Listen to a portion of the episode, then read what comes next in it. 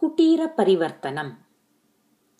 नरसापुरग्रामे कश्चन वणिक् निवसति स्म।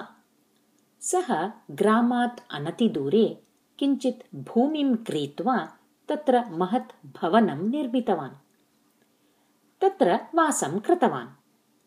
केषाञ्चित् दिनानाम् अनन्तरं द्वौ लोहकारौ आगत्य तत् गृहम् उभयतः कुटीरं निर्माय वासम् आरब्धवन्तौ तौ द्वौ अपि लोहकारौ प्रातः आरभ्य रात्रिपर्यन्तम् अपि कार्यं कुरुतः। अतः आदिनं कर्कशः लोहकुट्टनशब्दः भवति स्म। तं शब्दं सोढुम् अशक्तः वणिक् एकम् उपायम् अकरोत्। परेद्यवि यदा सूर्यः अस्तङ्गतः तदा वणिक् तयोः अन्यतरस्य लोहकारस्य गृहं गतवान्।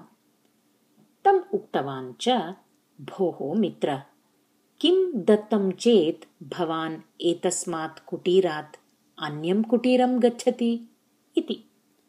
सः लोहकारः सहस्रं रूप्यकाणि इत्यवदत्।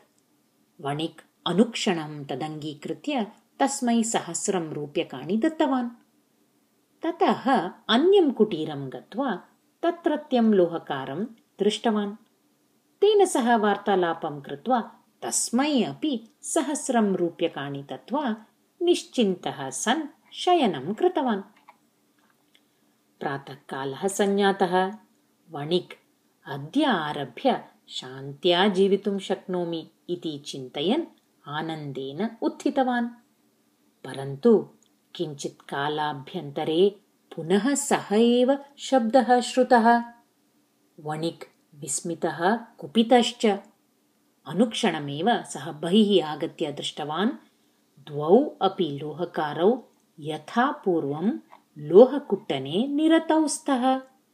सः तौ द्वावपि लोहकारौ आहूय पृष्टवान् किं भवन्तौ धनं स्वीकृत्य अपि कुटीरपरिवर्तनं न कृतवन्तौ? किमर्थम् इति। महाशय कुटीरपरिवर्तनं कृतमेव।